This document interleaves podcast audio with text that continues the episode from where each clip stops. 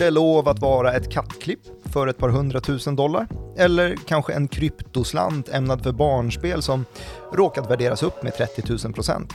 Jo, nu när även den digitala världens tillgångar bjuds ut till försäljning via den här röriga blockkedjan i en tämligen håsad kryptomarknad så står budgivarna naturligtvis på kö och vaskar sina bitcoins.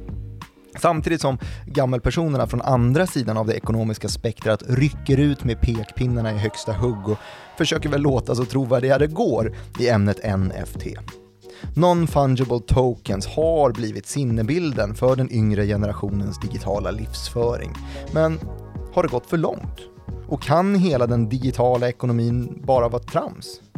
Såklart inte, menar i alla fall utrikesredaktör Joakim Rönning som likt någon annan Carl Bildt-digitalist tagit på sig att förklara den här schismen och det virtuella dagis som ska vara vår uppkopplade framtid. Och jag som är programledare här i Follow the Money heter Martin Nilsson och jag är ju klart yngre och kommer fylla igen samtliga fem åren av generationsglapp mellan mig och utrikesredaktören. Hallå Joakim, hur mår du? Uh, tre av fem. Perfekt, då är vi tillbaka på en rimlig nivå. 2,7 av fem. Ja, du ser faktiskt lite hängig Det ut. väckte väldigt mycket uppmärksamhet här att det var fyra av fem förra veckan. Ja, jag vet och Flera jag lovade flera tittare att jag det skulle få ner det igen. Mm. Eh, Du, den här eh, digitala delen av livet, den digitala ekonomin, Mm. NFT-token som har dykt upp på, Som du har köpt på dig. som jag har köpt på mig. Kanske jag har faktiskt. Ehm, hur ska man börja förklara en sån? Ska vi ge oss in djupt in i det digitala eller vad, vill du gå tillbaks till jägar-samlar Nej. historier? Nej. Nej. Men eh, man måste ju eh, liksom bottna lite grann i blockkedjan. Mm. Ja, vad, vad bottnar den? Ja. Det är ju det som utgör eh, själva fundamentet i bitcoin kan man säga. Men Just det finns det. också en massa andra blockkedjor. Alla är väl bekanta med ethereum till exempel. Mm. Ehm, och det finns eh, olika marknadsplatser eller vad olika blockkedjor som man kan ansluta digitala tillgångar till. Men det, det, idag så är det ju nästan synonymt med just det du nämner, valutorna, Ja, bitcoin, ethereum är väl den valutan och marknadsplatsen platsen Ja. får man väl säga, ether är själva valutan. precis. Eh, med näst högst marknadsvärde om man skulle räkna det, market cap, Mm. bitcoin är den absolut största. Men eh, när det kom, när det var stort så var det ju, det fanns ju alla typer av branscher att man skulle nyttja blockkedjeteknik på något sätt för det var en liksom genialisk Ja, uppfinning i sig. det är ju smarta kontrakt Mm. eh, kan man väl nöja sig med att säga att det är då en uh, autentiseringskedja som görs där man måste ha godkänt från alla parter i kedjan för att det ska lå- låsas upp helt enkelt. Mm. En transaktion då. Så vad finns det för användningsområden, eller fanns? Ja, men man har väl sett användningsområden som just finans naturligtvis. Eh, många banker som har olika projekt inom detta naturligtvis. Sen så finns det ju också eh, vitt skilda grenar som gruvor till eh, energi. Och det är väl inte jätteskilt i och för sig. Det är många, många bolag som ägnar sig åt båda delar ju. Mm. Men eh, just för att då få till säkra och snabba och smarta transaktioner av olika slag Mm.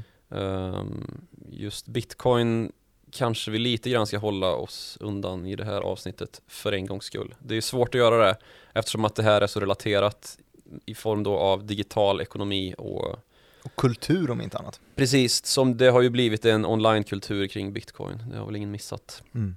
Och nu har alltså det nyaste användningsområdet för blockkedjeteknik, Mm. i alla fall det senaste som i alla fall seglat upp till, eh, eh, till mainstream, eh, blivit NFT.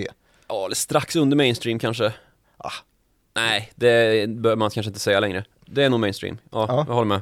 Ehm, och det är väl kanske framförallt på grund av att NBA har startat en ehm, eh, en blockkedjedriven transaktionsmöjlighet för att kunna då ta ägarskap av eh, olika klipp då på sina favoritbasketspelare när de gör slam dunks och annat. Nej, men, vilken är din favorit? Men den är ju snygg den som eh, ehm, den som blev den dyraste fram tills i helgen här när ett annat sportklipp gick för klubb, under klubban för ännu högre belopp.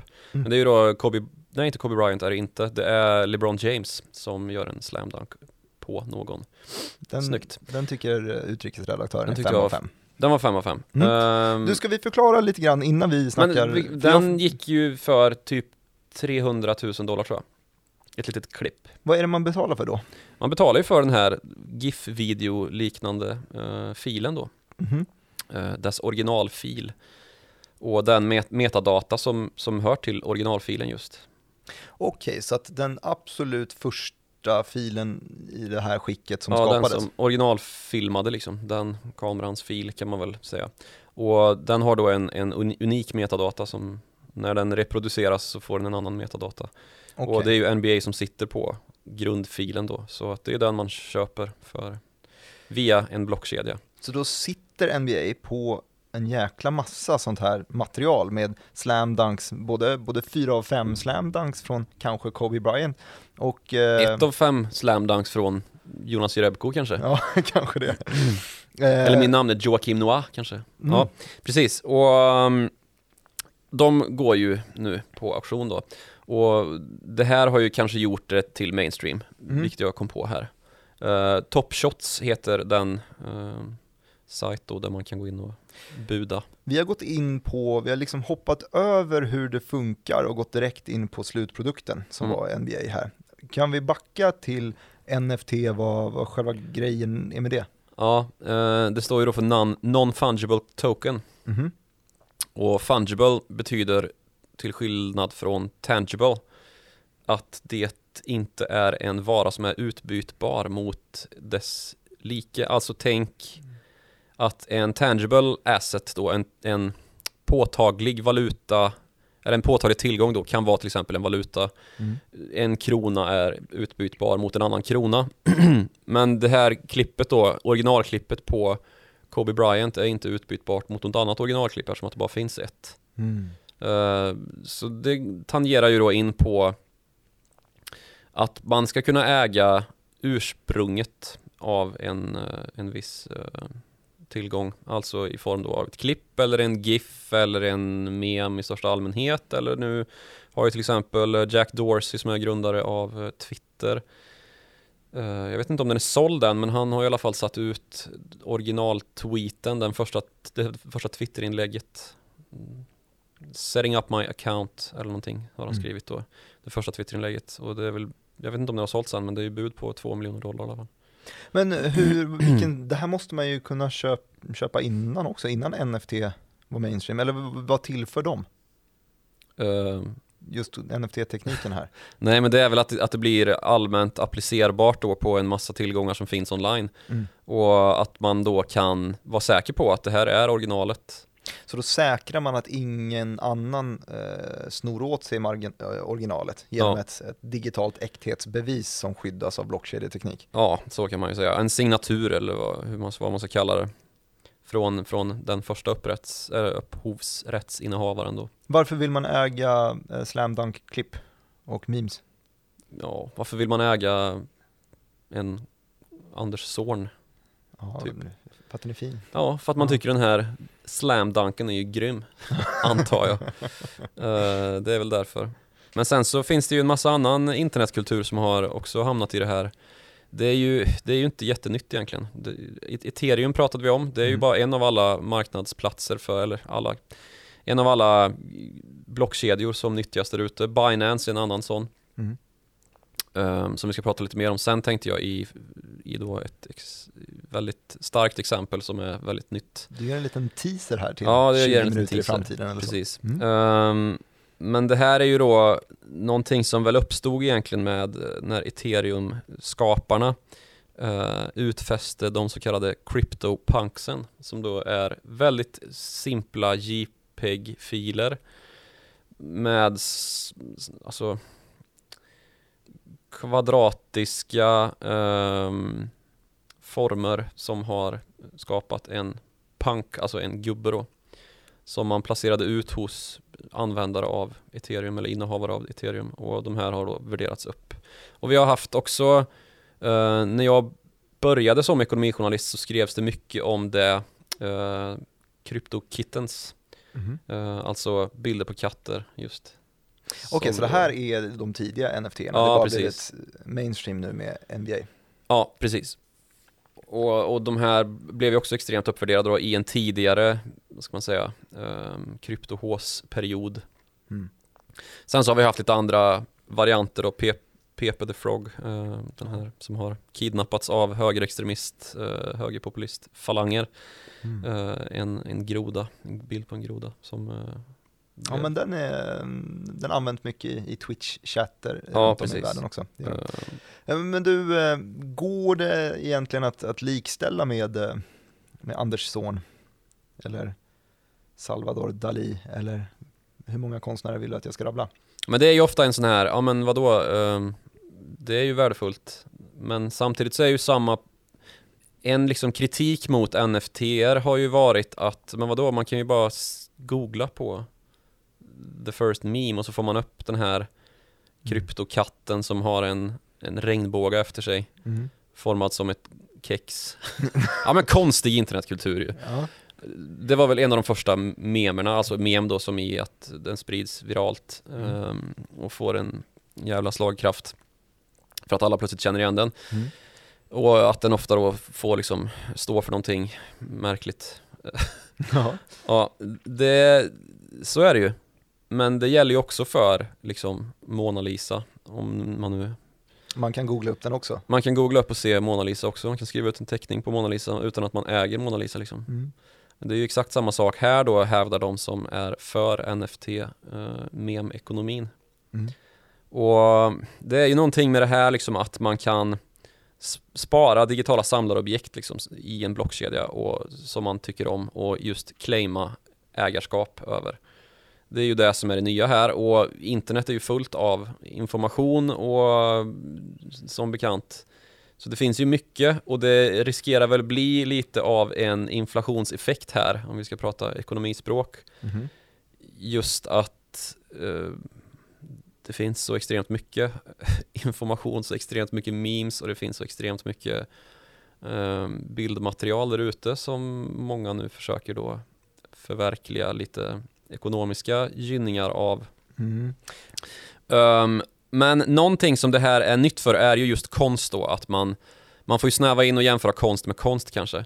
Så att liksom Anders Zorn i jämförelse med random mem som någon har suttit och tryckt ihop i Paint på 90-talet. Mm. Det är ju kanske inte rakt jämförbart men eh, det finns ju också etablerade konstnärer som nu gör digitala verk. Och det är ju den dyraste uh, NFTn som har sålts hittills. Mhm. Ehm, ett, ett verk då som en konstnär som heter Mike Winkelman har gjort. Eh, han kallar sig för Beeples. Och den såldes då ehm, för, på Christie's dessutom, auktionsfirman. Det är kul. Ja, Det- så de har ju också naturligtvis tidigare. Ja, de har ju också naturligtvis ehm, ja, känt sig lite i behov av modernisering så de har hoppat på det här tåget. Mm. Och du vet naturligtvis vad den gick för. Nej, 69 ja det är miljoner klart. dollar. Det är också en, en meme-siffra. Ja, 69. precis. Det är ju 69 lustigt. Och, eh, det, det fick vi ju faktiskt se i fallet, om du kommer ihåg, GameStop som också jag minns inte GameStop. Du minns inte Nej. GameStop? Nej men GameStop var ju då, eh, som vi snackade om för några avsnitt sedan, ehm, en, en rörelse som startade i Reddit som eh, där den här typen av internetkultur frodas på något sätt. Mm. Och där blev ju då, istället för de naturliga vanliga tekniska analysnivåerna som ofta är heltal eller någon bestämd Fibonacci-nivå eller så, så märkte man att det fanns motstånd på köp och säljsidor vid 69, vid 420 Mm. eh, och så vidare. 420, 69 var det riktigt starkt. Ja, just det, motstånd. Mm. 420,69. Det var många som ville köpa Eh, just för att det är liksom en, en nice nördsymbol Ja. att ha sålt på 42069. Det är Varför det då? Coolt. Ja, 420, ja. Det har vi snackat om weed tidigare. Drogas. Och 69 ska Ja. vi inte prata om. Nej, usch. Precis, men eh, det här verket då som såldes för rekordsumman 69 miljoner dollar, det var då ett collage av 5000 bilder som, som då utgör en bild. Rätt cool faktiskt. Mhm. Ja, jag Nu- tror att jag har sett den också. Nu diskuteras då hur man ska liksom, ska man säga, popularisera den här, den här, eh, det här verket och göra det lite mer allmänt tillgängligt. Eh, Mm. Och jag tror att de, det var liksom någon, en, en form av eh, ett digitalt museum som köpte den här, det här verket också. Så med, an- ja, med liksom uppsåtet att det ska göra, göras tillgängligt. Mm. Och det här museet i sin tur då sätter också naturligtvis ut uh, NFT-er. Att man kan bli delägare i själva museet och därigenom bli en delägare i Beeples verk. Det börjar bli rörigt nu känner jag. Ja, så är det här i världen, i den digitala verkligheten. um, men ja, precis, det är ju Det representerar ju någonting det här. En eh, metaversum-ekonomi. Ja, precis. Att vi plötsligt har en, eh, en ekonomi som inte har så jättemycket med uh, det påtagliga, the tangible. Ah, det är snarare the fungible. Ja, det är Ja. the fungible. Och då pratar vi inte svamp. Nej, just det. För det vet ju alla att fungi betyder svamp på. Ja, mycket språkkunskaper från dig då. Jag tycker Mm, det är kul. varsågod. Um, ja, vad ska vi säga med det? Jo, eh, kanske att eh, röra oss lite grann från kryptokatter till ehm, att, att det liksom finns ju faktiskt en metafysisk värld där det handlas. Där det finns en, en självständig ekonomi som ju faktiskt redan har existerat ett rätt bra tag i ganska många olika former. Mm. Alltså i ehm, alla möjliga typer av försök till metavärldar. Mitt favoritexempel på metavärld är ju Second Life. Känner du till det? Känner inte till Second Life. Nej, det är ju då en 3D-verklighet där eh, bland annat Carl Bildt försökte göra sig ett namn. Mm. Ehm, Digitalisten. digitalisten Carl Bildt ja. Mm. Han var ju då, det blev ju uppmärksammat för att det var en sån, vad ska man, vad ska man kalla det? Ett sånt eh, Det blev ett väldigt ståhej då när han skulle inviga en ambassad i Second Life som alltså var en 3D-värld som man nådde online. Vilket, å- vilket år är det här? Jag tror det här var 2006, 2007 kanske? Fanns internet då? Ja det gjorde det ju. Ja. Och det fanns ju bredband till och med. ja. ADSL, men Kul. det var ju Det var ju rätt tamt med, det var inte så pop, det, nördigt liksom Mm. Inte särskilt spännande Nej. Och det var ju då att man skulle bygga någon sorts liksom eh, Ja men en omvärldsrendering då där man kunde Trippa omkring i sitt digitala, i sin Second digitala life. form med sin, med sin avatar och stämma av med Carl Bildt i sin digitala form Mhm. Ja, Det låter typ som Facebook. Ja, precis. Ja.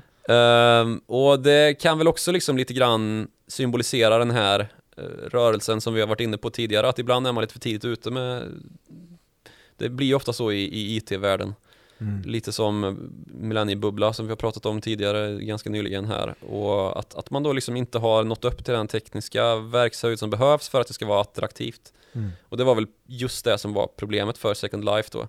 Så när liksom Carl Bildt stod där med sin avatar och eh, klippte någon sorts virtuellt band för någon virtuell ambassad Mm. så tänkte folk mest, Vad fan, fan är det här för jävla min uppkoppling är för seg. Så att det bara laggar, bilden freezar. Ja, eller liksom typ, fanns inte. gud vad osexigt det här är. Ja, jo, men det är så. Ja, På grund av det- Carl det- Bildt det- eller på grund av grafiken? Vad tänker du? mest på grund av Carl Bildt tänker jag, men Ja. också på grund av grafiken kanske. Ja. Men eh, det, det blev ju liksom ingenting med det där, men det vi ser nu då är väl kanske en nästa våg i det där. Och som du sa, Facebook, ja fast Facebook är ju samtidigt väldigt kopplat till den, den reala verkligheten, den fysiska verkligheten eftersom att det är liksom det byggs ändå på bilder och tjänster och meddelanden som faktiskt gör någon nytta i den verkliga världen eller som, som härstammar från den verkliga världen. Just det, det är ju den här eh, i... eh, Den fysiska i- i- verkligen i som du så sällan, så sällan befinner dig i. Ja, den, ja, just det. Eh, nej, men i den här, i filmen som jag glömde, The Social Network kanske den heter, Ja. Ehm, med när eh, den här uppkomsten av Facebook. The Winklevoss Twins Ja, Som ju är väldigt engagerade i kryptobranschen och start, men de är ju engagerade i NFT allt som är nytt ju. Ja, nej, ja, nu är de ju väldigt mycket bitcoin och krypto Eller Men bara det jag ska jag ville relatera till Fortsätt. då i alla fall var ju just att Facebook var ju just ett, snarare ett hjälpmedel för att reda ut vem man kan ragga på till exempel, eller i alla fall få Mm. connect med folk. Just det, i den verkliga oerhört världen. fysiskt Väldigt fysiskt var det ju. Så att det är inte Snuskigt alls, fysiskt Ja, det är inte alls Carl Bildt-avatarer. Nej Det här är ju lite mer liksom att dyka ner i ett kaninhål på internet och plötsligt så sitter man där i något konstigt sammanhang Mm. och byter tokens med någon annan i en virtuell verklighet som kan vara till exempel ett dataspel. Ja, jag tänkte precis säga det här, när medan Carl Bildt då eventuellt, om det här var 2006 sa du ish, eh, så jag satt och gjorde det här 2004 i, i Azeroth, alltså världen World of Warcraft. Mhm. Eh, så satt jag och bytte tokens fram och tillbaka. Mm. Och det är ju någonting som är ganska intressant med det här, om vi ska dra kopplingen till, till NFTs och den här, för det är ju en, en separat ekonomi med NFTs på något sätt. För att det måste inte vara kopplat till, till, till dollar eller till, eh, till svenska kronor eller något sånt, utan det är ju liksom en del av den här eh, ja, med kryptotekniken. De är, de är kusiner liksom med bitcoin, så att väldigt mycket av de här verken köps och säljs i bitcoin och kan liksom ha sin egen separata alternativa ekonomi som Ja. inte måste vara kopplad till den traditionella ekonomin. Och det finns ju fördelar med det, menar ju folk. Klassiska som vi har nämnt tusen gånger, man hedgar sig mot det finansiella systemet genom att äga tillgångar som är helt decentraliserade. Mm. Och det, den typen är ju eh, ibland NFT-tokens också, eftersom att de inte är valutaberoende. Mm. På samma sätt så fanns det ju alternativekonomier, kom jag på, redan här under World of Warcraft-tiden. För att vad var det som hände på World of Warcraft i den här avatarvärlden när man satt och spelade? Jo, det fanns såklart, direkt så dök det ju upp människor som ville försöka tjäna pengar på det här. För det var ju då en riktig boom, det är miljontals människor som började spela, ägna många timmar om dygnet, det gjorde jag också, på, det här, på den här världen. Och direkt så blev det ju en ekonomi som var kopplad till den verkliga ekonomin också samtidigt. Det var Mm. människor som ägnade sina timmar åt att samla ihop eh, resurser i World of Warcraft och sen sålde dem för dollar eller eh, klassiska, det var väldigt mycket eh, asiatiska ehm, guldfarmare vet jag. Så där då, eh, som kunde då tjäna pengar väldigt ehm, arbets, mm, timlönen på ett vanligt arbete i, säg, Vietnam 2004 var kanske jämförbar med att spendera timmen på World of Warcraft och sälja till rika amerikaner istället. Så Gu- Guldkineser. Guldkineser kommer och eh, säljer guld där. Ja. Det är då Blizzard om vi ska koppla in något eh, bolag, aktiebolag här också. Nej men, eh, ja precis. Det Och, finns ju mängder av sådana dataspelsekonomier, det är inte bara det. nej precis. Det går ju att sälja allt möjligt på olika mmorpg runt om i världen. Ja, och precis. Och, och man kan liksom tokenisera precis allt ju. Uh, inte bara i dataspel, utan allt i den digitala världen alla, ja, går att tokenisera.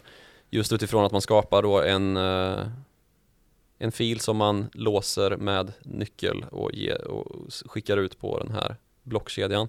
Och det här har ju också blivit då att man börjat tokenisera de här valutorna som ska ut på spel också. Mm. Och det är någonting som, som ägde rum här i, tidigare i den, denna vecka när eh, ett svenskutvecklat spel, eh, nu kommer jag inte ihåg vad det heter, men det blev lite uppståndelse då i finans, Twitter, sociala medier sammanhang över den här valutan då till ett spel som heter Alice om jag inte missminner mig. Mm. På tal om ner i kaninhålet, Mm. eh, Alice i Underlandet eh, liknelse, så eh, är det då ett, ett barnspel som ska startas och man satte då ut valutan till det här kommande spelet. Och eh, ja, men under de första timmarna, det första dygnet så hade valutan rusat med 30 000 procent. Och det här är Eh, alltså innan spelet är släppt. Ja, precis. Det är ju intressant också. Ja, så ska man då nyttja den här valutan i det här spelet då, eller de här, dessa tokens till att köpa och sälja olika grejer i olika egenskaper i spelet. Mm. Ehm, så sådana där intressanta effekter kan det också få av att tokenisera och det är ju naturligtvis den alla hoppas på när de sitter och kanske låtsas vara konstnärer, tokeniserar någonting knasigt och så blir det liksom en sjuk, sjuk hype kring något visst verk av någon helt outgrundlig anledning. Det finns, eh, jag kommer inte ihåg vad den bilden heter nu, men det finns någon bild på en bil som ser ut som Teslas Cybertruck ungefär, naturligtvis. Mm. Som också har värderats upp något sanslöst till närmare någon miljon dollar. Men det här är ju bäddat för att bli extremt volatilt i alla fall, tills man har förstått ungefär vad som är värdefullt och vad som inte är precis lika värdefullt. Det sitter ju såklart några experter, jag lyssnade på, på P1 häromdagen som, som nämnde om någon, någon svensk som ville vara anonym som hade gjort, gjort sig miljoner i, i NFTs, köpa och sälja helt enkelt. Mm. Um, Känns ju för övrigt gött att vi är efter P1 ja. på det här. ja det är vi. Men, eh, men vi drar ju också kopplingen till märkliga Ja. märkliga digitala ekonomier och World of Warcraft. Det gjorde inte P1 i det här. Nej, det tror jag inte gjorde. Men eh, inslag. alltså jag, jag kan väl känna att eh, det har tagit ytterligare ett steg då med det här eller från det här dataspelsanvändandet av tokens eh, och att det finns liksom ett väldigt tydligt applikationsområde för byggandet av den digitala världen också. Mm. Och ett utmärkt exempel på det där som kanske kan anknyta lite grann till Facebook då som som i sin tur har försökt lägga beslag på den virtuella eh, världen, alltså VR-utrustningssammanhanget med sitt Oculus ju. Mm. Och väl lyckats ganska dåligt med det hittills. De var lite för tidiga som My Second Life ungefär. Ja, typ. De är lite lunarstorm i förhållande till Facebook eh, själva. Men eh, det finns ju ett kanske bättre exempel på det där med att bygga värld då och det tycker jag är Minecraft. Mm. Som ju är den svenska härliga eh, världbyggnadsspelet där man då, det är Lego, Lego-baserat nästan. Ja men exakt, för det är ju eh, det ultimata spelet för att kunna bygga resurser. Alltså du kan lägga ner timmar i Minecraft, tokenisera det du har lagt ner timmar på och sen sälja det vidare. Mm. Eh, och skapa konstverk eller användbara världar Ja, därigenom. precis. Alltså det blir ju ett väldigt bra exempel på just det här att man kan tjäna pengar, att det inte är att slösa bort 100 timmar på någonting utan det faktiskt ofta går att få ett värde. Det ser ofta ut så i dataspelsbranschen idag, att sitter du på ett eh, Ja, på, på Minecraft till exempel, eller på World of Warcraft om vi dra, vill dra det dit. Och så har du lagt ner dina tusentals timmar efter skolan eller efter jobbet eller vad man nu gör.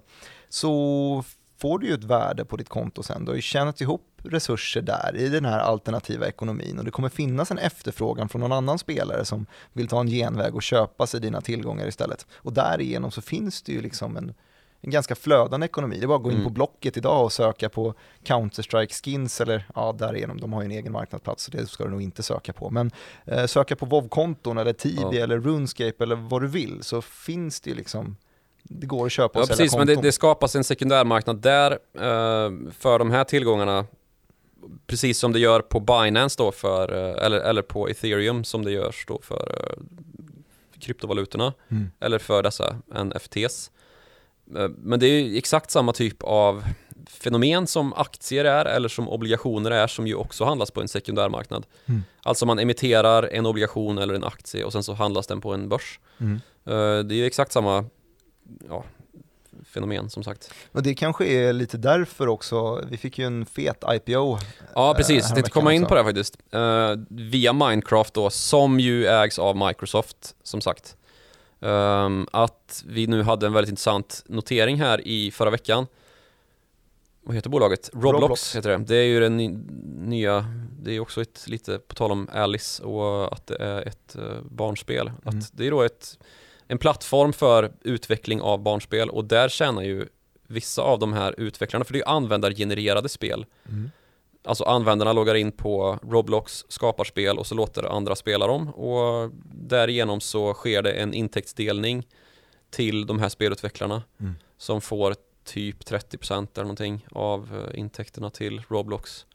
Jag vet att eh, vi har ju en, en svensk motsvarighet som är ja, men, ganska många år tidigare i utvecklingen än Roblox, men försöker utveckla någonting liknande i alla fall, som heter Adventurebox, eh, Mm. ett litet bolag.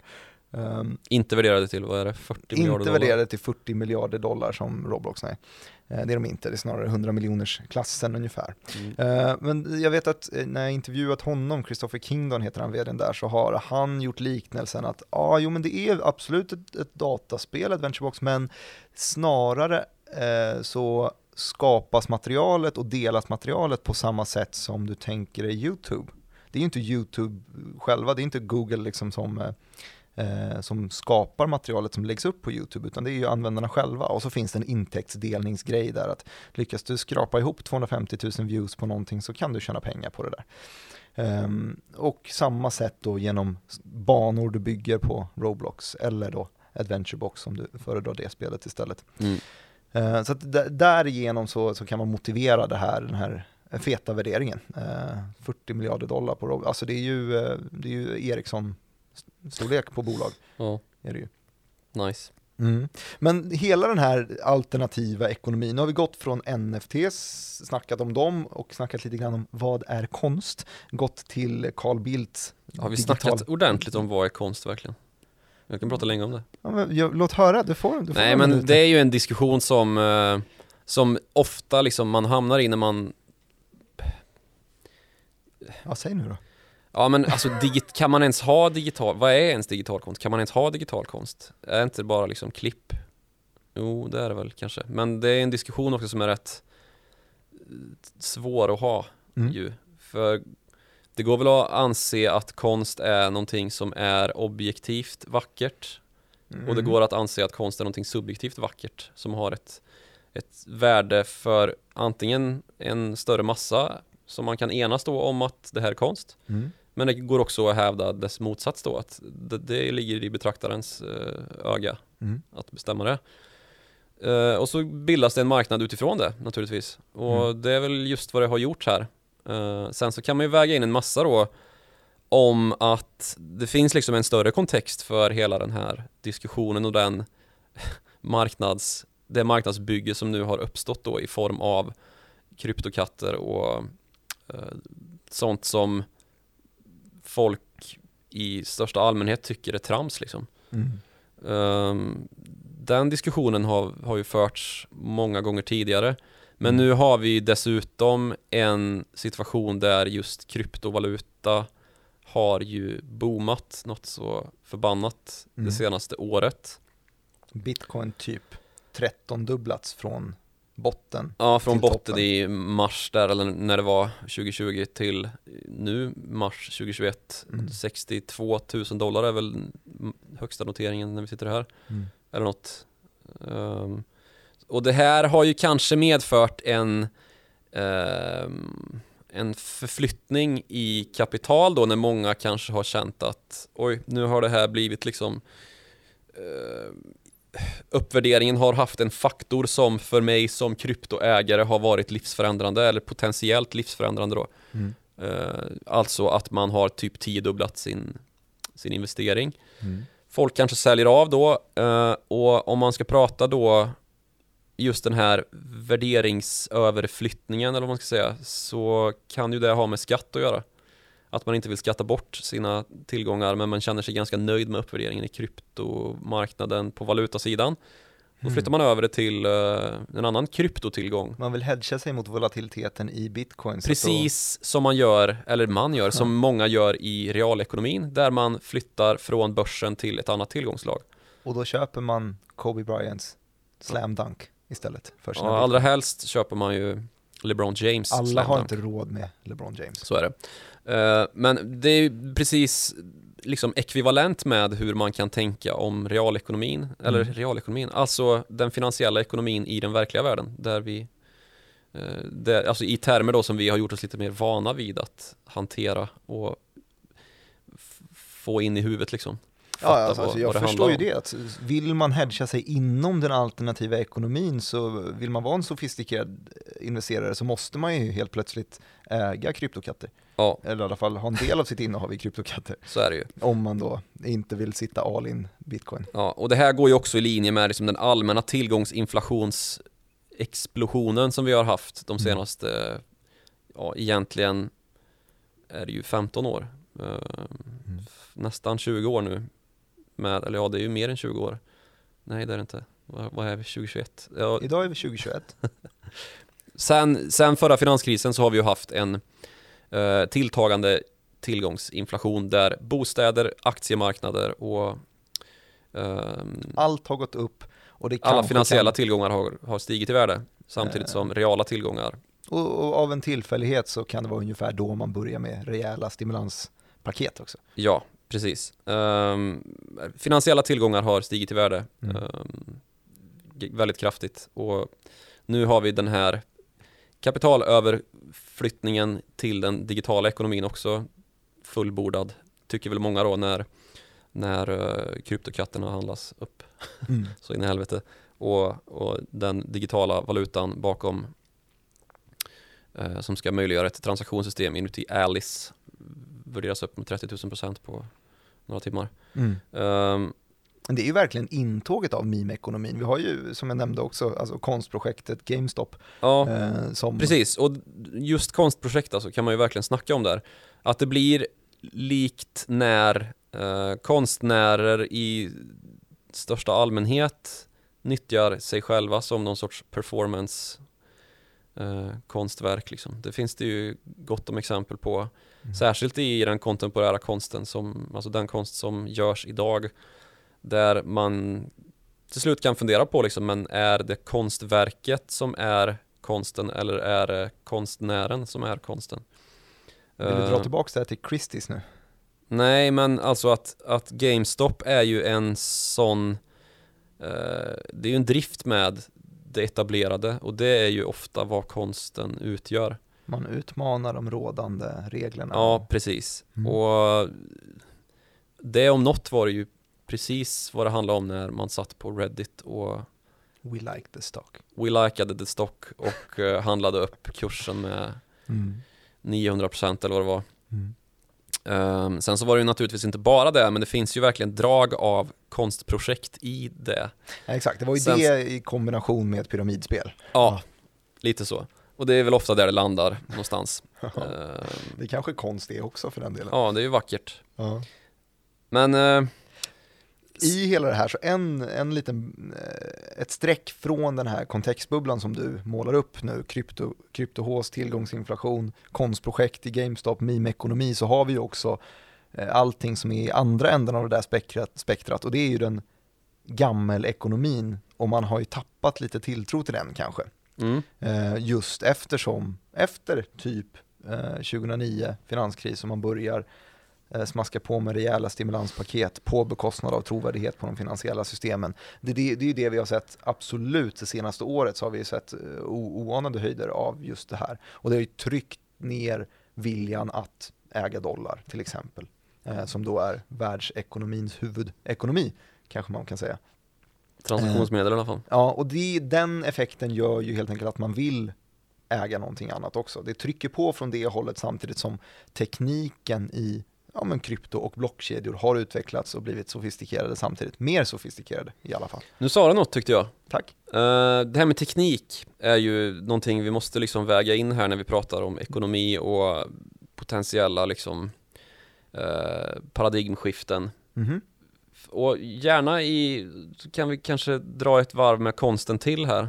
Ja. För det, mitt favoritparadigmskifte inom konsten är ju när, när kameran kom. Du har ett favorit, favoritparadigmskifte. Ja det har jag definitivt. Ja. Eh, alltså när kameran kom i och blev alltså en Någonting som, som man faktiskt använde i lite bredare lager Mm. eh, i befolkningar. Inte bara de här eh, stillbildsporträtten Vi- som tog nej, en precis. timme att fixa i ordning. Vi pratar inte liksom, nej precis. Vi, vi pratar inte, Magnesiumröken, eller vad man säger. precis. Utan, inte, inte glasskivor som man satte ljus på på olika sätt. Eh, utan, och kanske inte riktigt Kodak heller, men när, där någonstans emellan. Så vi är ju liksom i första, de första tiotalen på 1900-talet. Ja, det var brett. Ja. Ehm, då, då kom ju kameran och blev just en eh, någonting att räkna med. Mm. Och det här blev ju en, en kris för konstvärlden. Man behövde inte längre någon som var duktig med en pensel för att avbilda. Precis. Och många liksom i den tidens överklass var ju rasande på att pöbeln, att folket kunde få bilder på sig själva. Som var mer trogna verkligheten än de Exakt. någonsin kunde vara i närheten av. Fan är det här? Ehm, de ska inte ha någon tillgång till liksom billiga avbildningar som, som bara vi rika har haft förmånen att hänga upp på väggen. Fan vad rika har varit elaka genom tiderna Ja, eller? svin, sviniga alltså. Ja. Och alltså den tidens stora kulturmän, Baudelaire bland annat var en sån som sa att det här är ju, liksom, och gav upphov till termen kitsch, Mhm. som ju är en, en konstterm då för det liksom ytliga, det massproducerade och det fula egentligen. Mm. D- Liksom den breda allmänhetens uppfattning av vad som är vackert och det är liksom inte bra nog. Konst ska liksom ta tid Mm. som det gör att måla en, en, ett porträtt. Eller bygga en Minecraft-värld. Lite så. Ehm, och det ska särskilt då, eller det är, det är också en viktig variabel att, att det är någonting som, som inte vem som helst kan göra ju, naturligtvis. Utan det, det ska vara någon, någon utbildad som gärna har gått liksom åtta år på konstskola Mm. som ska måla av mig. Ehm, och det här ledde ju till att konsten sedermera började befrias också när man liksom kom ifrån den här eh, att bara måla realistiskt Hmm. och istället började gå in i sin fantasi och måla eh, någonting annat. Det som inte ett fotografi kunde fånga. Man lägger till en känsla till det hela också. Exakt. Det, Det var ju inte så- bara att skilja verkligheten. Det var ju så hela liksom impressionismen och expressionismen kom fram. Är det där vi har de här konstnärerna som jag kunde förut? Salvador Dalí. Jag har ett, en bild av att det är den där klockan som, som smälter. Är inte det han som har gjort det? Ja, då är vi väl eh, ganska bra på det. Han var väl en av eh, kubisterna ehm, och de brukar väl räknas in i, i expressionisterna någonstans på, Jag är imponerad men kan inte säga om du har rätt eller inte. nej det är som vanligt. Ja, Ja. Nej men alltså tidigt 1900-tal pratar vi om och Picasso och, och Dalí är ju de, de mest kända. just det. Han Men började ju också ganska eh, att rita fina tavlor och sen så började det bli de här kuberna. Ja, precis. Mm. Och, och vi kan ju se den liksom direkta effekten av då om man, om man jämför en, eh, eh, ja men ta en son typ. Mm. Som ju, han målar ju ganska så naturtroget.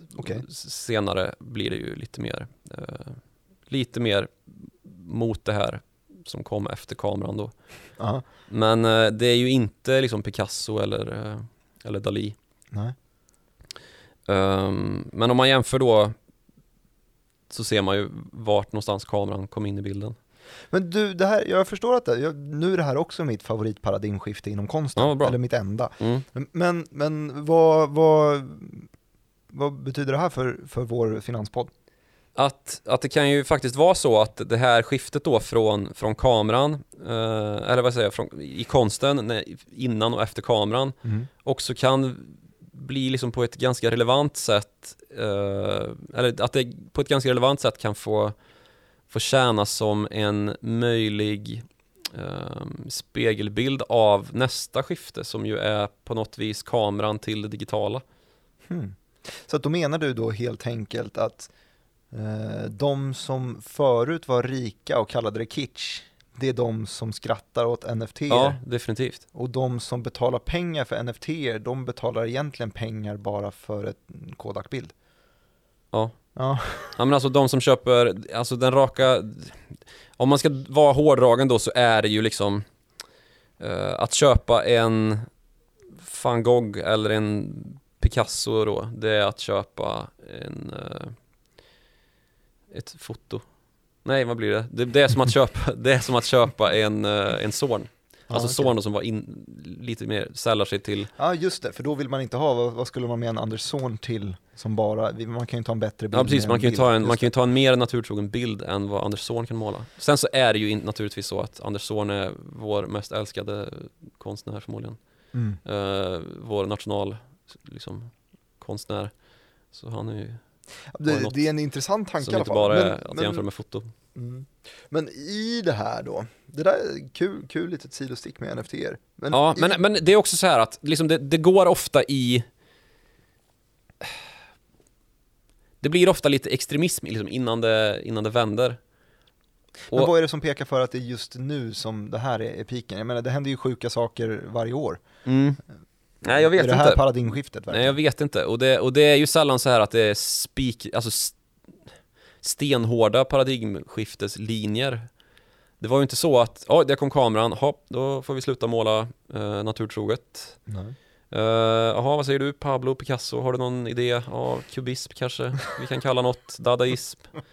Ja okej då, men eh, ring Salvador Dalí också så kan vi, Smälta Kanske- lite klockor. ja smälta lite klockor och göra lite konstiga ansikten och så kanske vi kan skapa något nytt Ja. Eh, s- Det är ju inga så liksom hårdragna linjer naturligtvis utan man målade ju nat- naturromantiskt väldigt länge efteråt. Alltså Zorn var ju också fotograf liksom. Mm. Eh, s- Så att det hände ju inte över en natt. Men kanske då att liksom den här extrema typen av modernism då, som man brukar kalla den här epoken efter fotot egentligen. Eh, den brukar man väl säga tog slut någonstans på 50-talet eh, med alltså de abstrakta expressionisterna då som, som eh, Jackson Pollock som ju till slut bara målade bara målade känslor. Alltså, det var ju ingenting naturalistiskt Det är de här över som man ofta gör, gör narr av. Ja, Hur kan precis. det här vara konst? Då är det, Vad är detta? Det här kan ju, en- på en canvas. Mm. det här kan ju ett, eh, ett, ett barn måla, brukar man ju säga. Mm, det är Pollock. Och det är, då, det är då konstnärer som Jackson Pollock och Robert Motherwell och Man Ray och sådana som ju är sin tids verkligen gigantiskt stora konstnärer Mm. som också kan förhånas då och där det uppstår väldigt mycket sådana här eh, debatter där det ställs eh, för och mot liksom och de, de som säger för är de som säger det här är ju hans inre han har målat ut här eller hon Mm. Eh, och det är de som, säger, som är emot säger ja fast det där skulle ju vem som helst kunna ha gjort Mm. Eh, och så hävdar man sin ståndpunkt och där någonstans så är det ju en menlös diskussion och det är det jag menar liksom med, med hela den här debatten, vad är konst? Att man kan, Subjektivt ja objektivt. precis, subjektivt eller objektivt.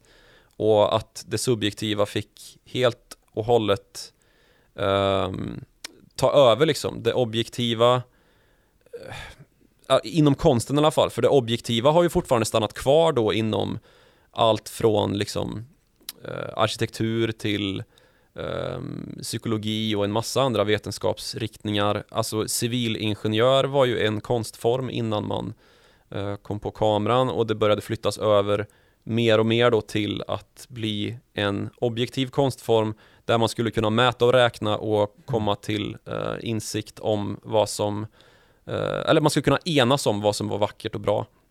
Mm. Eh, eller den, den, den skiftningen kom ju naturligtvis innan kameran men eh, alltså, sen man egentligen har kunnat börja mäta och räkna. Eh, typ Pythagoras och gänget. Men sen så blev det i, konstvärlden då en motsvarande skiftning när kameran kom att eh, nu kan vi enas om att det här är verkligheten, det här är det som syns på fotot och då Mm. måste vi utvecklas åt något annat håll och då blev det att man gick mot det subjektiva. Ehm, lite på, Hur firade du pi-dagen? Det var ju bara, vad var det, Må- i måndags? jaha var det därför? Var det? 14 mars, 3 3,14. Jag såg någon rolig uh, mem där någon hade typ tagit ett, det var- en bild på Mark Wahlberg när han sitter och uh, rynkar pannan Aha. och det var ett, ett pi-tecken i hans panna. Kul. Du, eh, måste, måste ha mer finans. Annars, annars Jaha. får vi sparken. Ehm, Den digitala ekonomin skulle jag vilja komma tillbaka till, för vi Jaha. har snackat nu om att det här kanske då är paradigmskiftet, likt när kameran kom in och, och eh, gjorde renässans och gjorde eh, rika människor arga. Så blir gamla rika människor arga när eh, NFT plötsligt säljs för 69 miljoner dollar och så vidare. mm. Men någonting som jag skulle vilja i alla fall eh, nudda vid är just den här att det har också det är en utveckling av den här alternativa ekonomin. För från början så var det ju just bara blockkedjor användes till eh, kryptovalutor Mm. och de var väldigt, väldigt nya i början och man trodde ingenting på dem i början. Och sen så nu möjligtvis att bitcoin är, är rejält överköpt, eh, att vi, att vi ser att den kommer ramla tillbaks eller kommer fortsätta uppåt, det vet ju inte vi någonting om. Men den har i alla fall en stadigare plats i världen idag än vad den hade för några år sedan. Mm. På samma sätt så har ju då eh, NFT en stadigare plats i världen idag än för några år sedan. Och när NFT då tar plats i den här alternativa ekonomin, för det får man säga att det är där den hör hemma, så breddar man ju den. Då gör man den mer användbar och man kan leva i My Second Life mycket tydligare. Mm. Det finns mer att göra i My Second Life. Från början var det bara krypto och nu finns det NFT också. Kul. Eh, det möjliggör en jäkla massa saker. Jag kommer att tänka på en till dataspelsgrej här. Mm. Eh, jo, för att en sak som jag märkte väldigt tydligt när jag satt och spelade dataspel, kanske 2016 kan det ha varit, är att helt plötsligt så lyckades mitt eh, MMORPG betyder ju då Massive Multiplayer Online Role Playing Game och det betyder ju då att den är världsomspännande så att personer kan logga in då från Vietnam om man vill, från Pakistan om man vill, från Sverige och från Venezuela var det här. För plötsligt när jag satt och spelade så loggades det in extremt mycket människor från Venezuela. Och vad händer i Venezuela om det är 2016 eller 2017 det här? Jo, de får en ekonomisk kris och plötsligt går det inte att lita på deras egna valuta. Det är hyperinflation i Venezuela. Total kollaps var det ju. Total kollaps. Och för... om 30 000 procent så var väl det typ lågt räknat inflation. Ja men exakt, det här är ju det, är ju det extrema exemplet av mellankrigstiden i Tyskland när man tapetserade med pengar. Det var Mm. långt värre i Venezuela. Eh, Och det som hände då var ju att de här människorna försökte hitta sätt att försörja sig på. Och då eh, var det den yngre delen av befolkningen som var lite flinka vid datorer som inser att hörni, jag kan ju faktiskt investera mina timmar här. Om vi bara får råd med internet så kan jag logga in på mitt spel, spela, spela, spela, spela, spela, sälja till någon rik person i andra delar av världen, få betalt i alternativ ekonomi, kanske kryptovaluta och med de pengarna eh, kunna köpa lite käk åt min familj. Det var liksom det var tydligt att från att man, det var väldigt sällan man stötte på någon från Venezuela eh, på min, i min del av onlinevärlden, så flockades det verkligen. Eh, och det här är ju en väldigt balanserande effekt för ekonomier som går sönder. Att Mm. man just då får en någon form av välfärdsfördelning mellan, från rika länder, för då var det ju eh, jag som eventuellt var kunden då. Det var det inte, för det är ju ofta så försöker de här spelen eh, reglera det här och göra det olagligt, eh, för att de har inte koll på eh, vad, hur pengar får flöda och så vidare i deras spel. Eh, men de försöker då helt enkelt skapa affärskontakter med privatpersoner som, som har en stadigare ekonomi. Eh, och det är ett användningsområde som då nu har blivit ännu tydligare med NFT då antagligen. Att det finns en alternativ ekonomi att luta sig på kan göra den övriga ekonomin lite mer stabil. Kanske? Hängde du med i resonemanget? Nej. Nej, okej. Jo men alltså, jo det är klart att det gäller ju om det är total kris. Eh, och det är väl någon sorts sånt scenario som alla bitcoin eh, frälsta går mot. Alltså då pratar vi inte de som tycker det är lite spännande med bitcoin utan de som faktiskt använder det som någon sorts den enda och totala inflationshedgen då när hela det liksom eh, fiat-valutasystemet som vi har förlitat oss på de senaste ja, Mm, många åren. många åren ska krascha och bytas ut då mot ett nytt eh, kryptovalutasystem i form av bitcoin. Det är väl sam, det är väl ganska jämförbart. Måste det bytas ut då? Tanken här är ju då att man har både och. Ja. Att man har ett att luta sig Fast- mot. ja, fast Så det är ju ändå, en bitcoin det är ju inte- igen. det är ju inte den liksom, det är ju inte venezuelansk peso involverat. ändå. Nej, nej Utan det är inte. ju, det är ju en annan, ett annat lands valuta då ju. Mm, men det är när den lokala valutan kollapsar. Ja, så precis. har man något att luta sig mot. Ja. Eh, så det är väl liksom en, absolut en bra jämförelse tycker jag. Eh, men samtidigt så, om man ska överföra det till någon typ av lite mer påtaglig diskussion ändå som är ganska så världsomspännande just nu så är det ju den här om just liksom de sociala mediejättarnas makt över eh, den verkliga världen och opinionsmakten som de sitter på. Mm. Som jag brukar säga, vill man veta någonting om vad myndigheter tycker om ett, en viss företagsgrupp så kan man gå till Kina och kolla hur de gör. Mm. Ehm, och nu i veckan här så har det kommit rapporter då om att ehm, kinesiska myndigheter har bestämt sig för att Alibaba, e-handelskoncernen som också har en massa e- e-handelskonglomeratet snarare som också har en massa sociala medier och den stora Hongkong-tidningen South China Morning Post under sitt paraply Mm. eh, har fått eh, reda på att det får ni inte ha längre för att ni har för mycket opinionsmakt.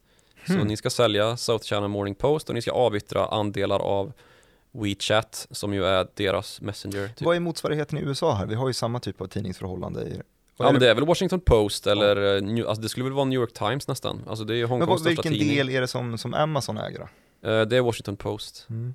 Ehm, men det är ju ehm, Det är ju inte oproblematiskt Nu är inte Kina något liksom guldland att jämföra med av andra skäl Men det säger nog ganska mycket om vad eh, Vad många andra länders myndigheter också tänker Mm. I de här frågorna Och det såg vi ju inte minst på tal om digitala valutor I form av eh, Facebook när de skulle lansera sitt Libra Mm. eh, som ju då var en kryptovaluta, eh, eller ett stablecoin var det ju som var knutet till en korg med eh, fiatvalutor som dollar och euro och eh, några andra. Mm. Men det, det såg ju myndigheter rött för. Att det här, det kan ju inte göra fattar ni väl? Och det har väl att göra med att det var alldeles för nära den verkliga världen, att det hotade det etablerade valutasystemet. Mm. Det gör ju kanske inte liksom ett valutasystem in i Minecraft eller Alice Coin eller vad det nu ska heta. Mm. Uh, så där i så blir det ju intressant att istället prata då om liksom um, att den här digitala världen kommer få sitt eget valutasystem som ju också är replikerbart då. Alltså utbytbart mot den verkliga världens valutor. Mm. Um, så får man väl vara bitcoin-extremist om man vill det naturligtvis och säga att det kommer bara finnas bitcoin i framtiden. Men det finns det ju också saker att problematisera kring och Mm. det kanske största anser jag är ett grönt problem eftersom att det är, Går åt väldigt mycket går åt så jävla mycket energi för att fixa det där. Ja. Mm. Ehm, men ja, eh, decentraliseringsdiskussionen är ju intressant liksom. Och det här med ett, ett metaversum då där man um, har just den decentraliseringen anser ju många är väldigt viktigt eftersom att det är liksom ett fundament för de här, vad ska man säga, åsikterna om vad bitcoin ska vara egentligen. Att det ska vara decentraliserat, ett, ett liksom transaktionssystem som inte myndigheterna bestämmer över. Mm. Och det ser vi också en massa debatter kring, inte minst här vid valet i USA om hur eh, sociala medier ingrep liksom ehm, mot det republikanska partiet var det ju först och främst. Just det, när de eh, censurerade Ja men alltså av. Donald Trump blev, eh, han är ändå president och han blev utkastad då från sociala medieplattformar, Mm. eh, från Twitter på i evig tid dessutom. Mm. Det är ju problematiskt. Man kan tycka vad man vill om honom liksom, men det är ju problematiskt när vi samtidigt har uh, yttrandefrihet och att eh, USA ska vara liksom en, en, eh, en fyrbåk i det här sammanhanget. Och Har man ett metauniversum, eller har man, ett, har man då ett liksom metauniversum där eh, på nätet där det inte är en, en, ett företag som styr det här som ju också har andra intressen då av att inte upplåta möjlighet för propaganda för det var ju där man försvarade sig mot då, de här yttrandefrihetsivrarna med att ja men han får fortfarande inte liksom eh, ljuga och bete sig odemokratiskt alltså bara för att vi är toleranta så kan vi inte tolerera eh, den intoleransen Mm. Eh, och det blir extra problematiskt naturligtvis när han är leader of the free, free world liksom Ja, exakt. eh, så, som beter sig som en diktator. Så det är ju, men det är ju oerhört komplext och i ett, ett liksom meta-universum då så, så slipper man ju de eh, frågorna. Och det är ju det också som leder till att den här memkulturen kan uppstå. Och det är också det som leder till att vi har den här diskussionen eh, som ju är sjukt intressant. För där får de här eh, liksom, det, där får allt från smarta idéer till rena jävla dumheter och eh, ren idioti och bedrägeri florera mycket friare än vad den får i den fasta verkligheten eller vad man ska säga. Mm. Men vi kommer nog aldrig komma ifrån kanske att vi behöver en fast verklighet att förankra oss i eh, även om vi kan i många sammanhang tolerera den här anarkin som rå- råder i delar av internetkulturen. Ja, det blir spännande att se hur pass volatil den blir. Eh, Det lär den ju vara under lång tid framöver, just när vi ser de här sjuka summorna på vissa eh, NFT-er Mm. eh, och på andra inte alls. Det är Mm. så svårt att se vad man, vad man ska värdera på vilket sätt och det vet nog ingen, det vet ingen. Ehm, och det tar ganska många år innan marknadens fria hand, som ju är den som bestämmer i en anarki, Ja. eh, kommer säga sitt. Ja, precis. Och göra sen så kanske jag kan slutföra mitt svamliga, min, svamliga konstutläggning med att Den var jättefin. Tyckte du? Ja, vad bra. Nej men med att liksom, vi hade då eh, Jackson Pollock och eh, hans gäng som kastade färgkänslor på duk Mm. och som man kan bilda de här två olika lägren väldigt lätt då av, de ena säger det här är ju skit och andra säger det här är äkta. Eh, den pendeln svängde ju tillbaks helt och hållet och slutade med just den här eh, konstriktningen som Andy Warhol stod bakom först och främst kanske, som har en ganska Påminn tydlig svensk koppling också. Uh, Brilloboxar och eh, annat väldigt massproducerat och där han till och med experimenterade med då att signera vissa verk men inte andra och se vad det var som egentligen folk betalade för. Mm. Och han kunde ju i ganska stor utsträckning komma fram till att folk betalar ju för de här Brillo-boxarna och Brillo-boxarna det är ju då en, en, en stapelvara som fanns i ehm, Tvålull, eller hur? Ja, precis. Mm. Som han gjorde konstverk av då. Eh, och så gjorde han en, en installation här i, i, på ett mu- museum i Sverige och så såldes de här boxarna då. Och så blev det en massa tvistigheter kring det här då. Men vad då är det här konst eller är det här bara eh, Brillo-boxar? Ja. Ja, Hade han inte signerat dem? Va- Nej precis, så det blev ju absurt i sin tur då, även om det var saker som han kunde liksom eh, kalla för konst som egentligen var väldigt liksom objektivt sett massproducerat och eh, inte särskilt märkvärdigt på något sätt. Mm. Eh, Så då hade ju pendeln slagit över då från att vara totalt subjektiv till att bli nästan totalt objektiv. Mm. Eh, Så vi kanske får en liknande svängrörelse i, i den här digitala eh, konstyttringsvärlden eh, vad det lider, vem Mm. vet, som då eh, pulveriserar allt vad NFTs heter. Mm. Du, jag gjorde en Twitteromröstning härom, härom veckan eh, på det optimala längdet på ett, eh, på ett poddavsnitt och eh, vi har kommit dit. Jag vet vad vi ska prata om, men jag, först vill jag ta min Twitteromröstning. Vad är det för något? Eh, Jag skrev då, den, den går, fort Jag skrev då här förra, förra veckan inför noteringen av Roblox Eh, Roblox noteras i New York idag, men vad är det egentligen? Och så kan man ha, nu har jag tre olika alternativ då Vad Roblox är för någonting? Ja, Mm. det här spelet då som var användargenererade världar Mm. man kan upprätta och få lite betalt för Ja, eh, första alternativet, virtuellt dagis 29% Mhm. Framtiden 34% Både och 37% eh, Och av det så kan vi ju då konstatera att framtiden är ett eh, virtuellt dagis och Roblox Det var ju väldigt intetsägande, eller i alla fall, det kanske, är, kanske säger mycket att det var så delade meningar att alla, typ en tredjedel röstade på varsitt alternativ. Ja. Mm. Men Roblox är ju således ett virtuellt dagis och framtiden Eh, I och med att du gick igenom din omröstning så har min tappat kraft, för min omröstning var ju då hur långt ska ett optimalt poddavsnitt vara? Ska den vara mellan 20-40 minuter? Det var det några stycken som tyckte. Ska det vara ungefär en timme långt? Var det en stor majoritet som tyckte. Eh, Ska det vara längre än en timme? Eh, Så var det väldigt få som tyckte att det skulle vara eh, längre. Och Eh, Och nu är vi längre än en timme. Eh, Och då kan jag lika gärna fortsätta. Det var också bara jag som röstade på Ja, timmar. Det kunde man ju ge sig fan på. Ja, okej. Eh, jag kan ju i alla fall eh, ägna någon minut åt att berätta att idag så har vi börjat prata om så kallade NFTs, Non-Fungible Tokens, eh, som då är en användning av blockchain-teknologi. Eh, blockchain-teknologi har vi snackat lite grann om, om användningsområden. Precis när det var ganska nytt så var det väldigt många som startade olika blockchain-projekt och nu har det väl då liksom kristalliserats att det mest användbara stället eh, by far har ju varit kryptovalutor just där teknologin har använts. Eh, men vi har snackat lite grann om NFT nu i alla fall, för den har tagit en stadig plats, i alla fall på mediahimlen senaste tiden efter att då NBA började klistra fast NFT-äkthetsbevis på deras videor och därmed kunna sälja originalkopian.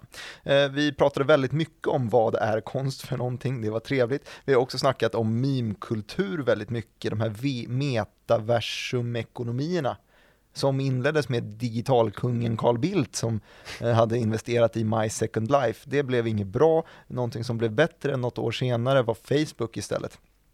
Från Facebook och det eh, metaversumet ehm, så ledde vi oss in till dataspelsekonomier. Jag snackade lite grann om att det bildas separata ekonomier i eh, MMORPG, att man kan tjäna pengar på investerade timmar. Och det här är väl tydligast i spel som Minecraft, som Roblox, som Adventurebox eh, och kanske då Alice som du nämnde som jag inte har någon stor koll på. Men just att man kan eh, tjäna pengar på tiden man lägger ner i det.